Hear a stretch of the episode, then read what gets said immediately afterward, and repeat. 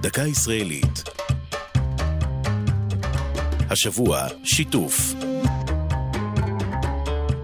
והפעם מושב שיתופי.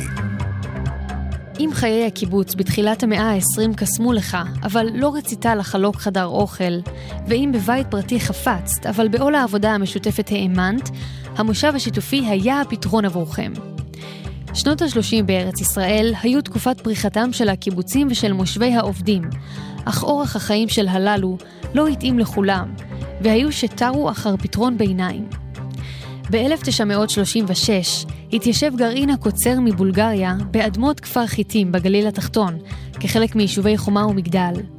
שם הקימו את המושב השיתופי הראשון. חברי הקבוצה בחרו להקים יישוב חקלאי, המשלב ניהול משותף של המשק, אדמות המושב, הכלים וענפי הייצור שייכים לכל, והעבודה מתחלקת לפי סידור שוויוני בין החברים.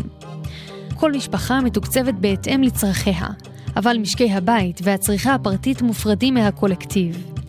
במקביל לכפר חיטים, יישמו עולים מגרמניה רעיון דומה במושב מולדת, ועליהם הצטרפו בהמשך בית הלל, שבי ציון, רגבה, בית יצחק שנקרא אז נירה, ואחרים. כיום קיימים בארץ 35 מושבים שיתופיים.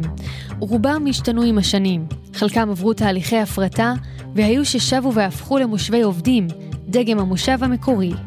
זו הייתה הדקה הישראלית על שיתוף ומושב שיתופי. כתבה מאיה רכלין. ייעוץ הפרופסור יוסי בן ארצי.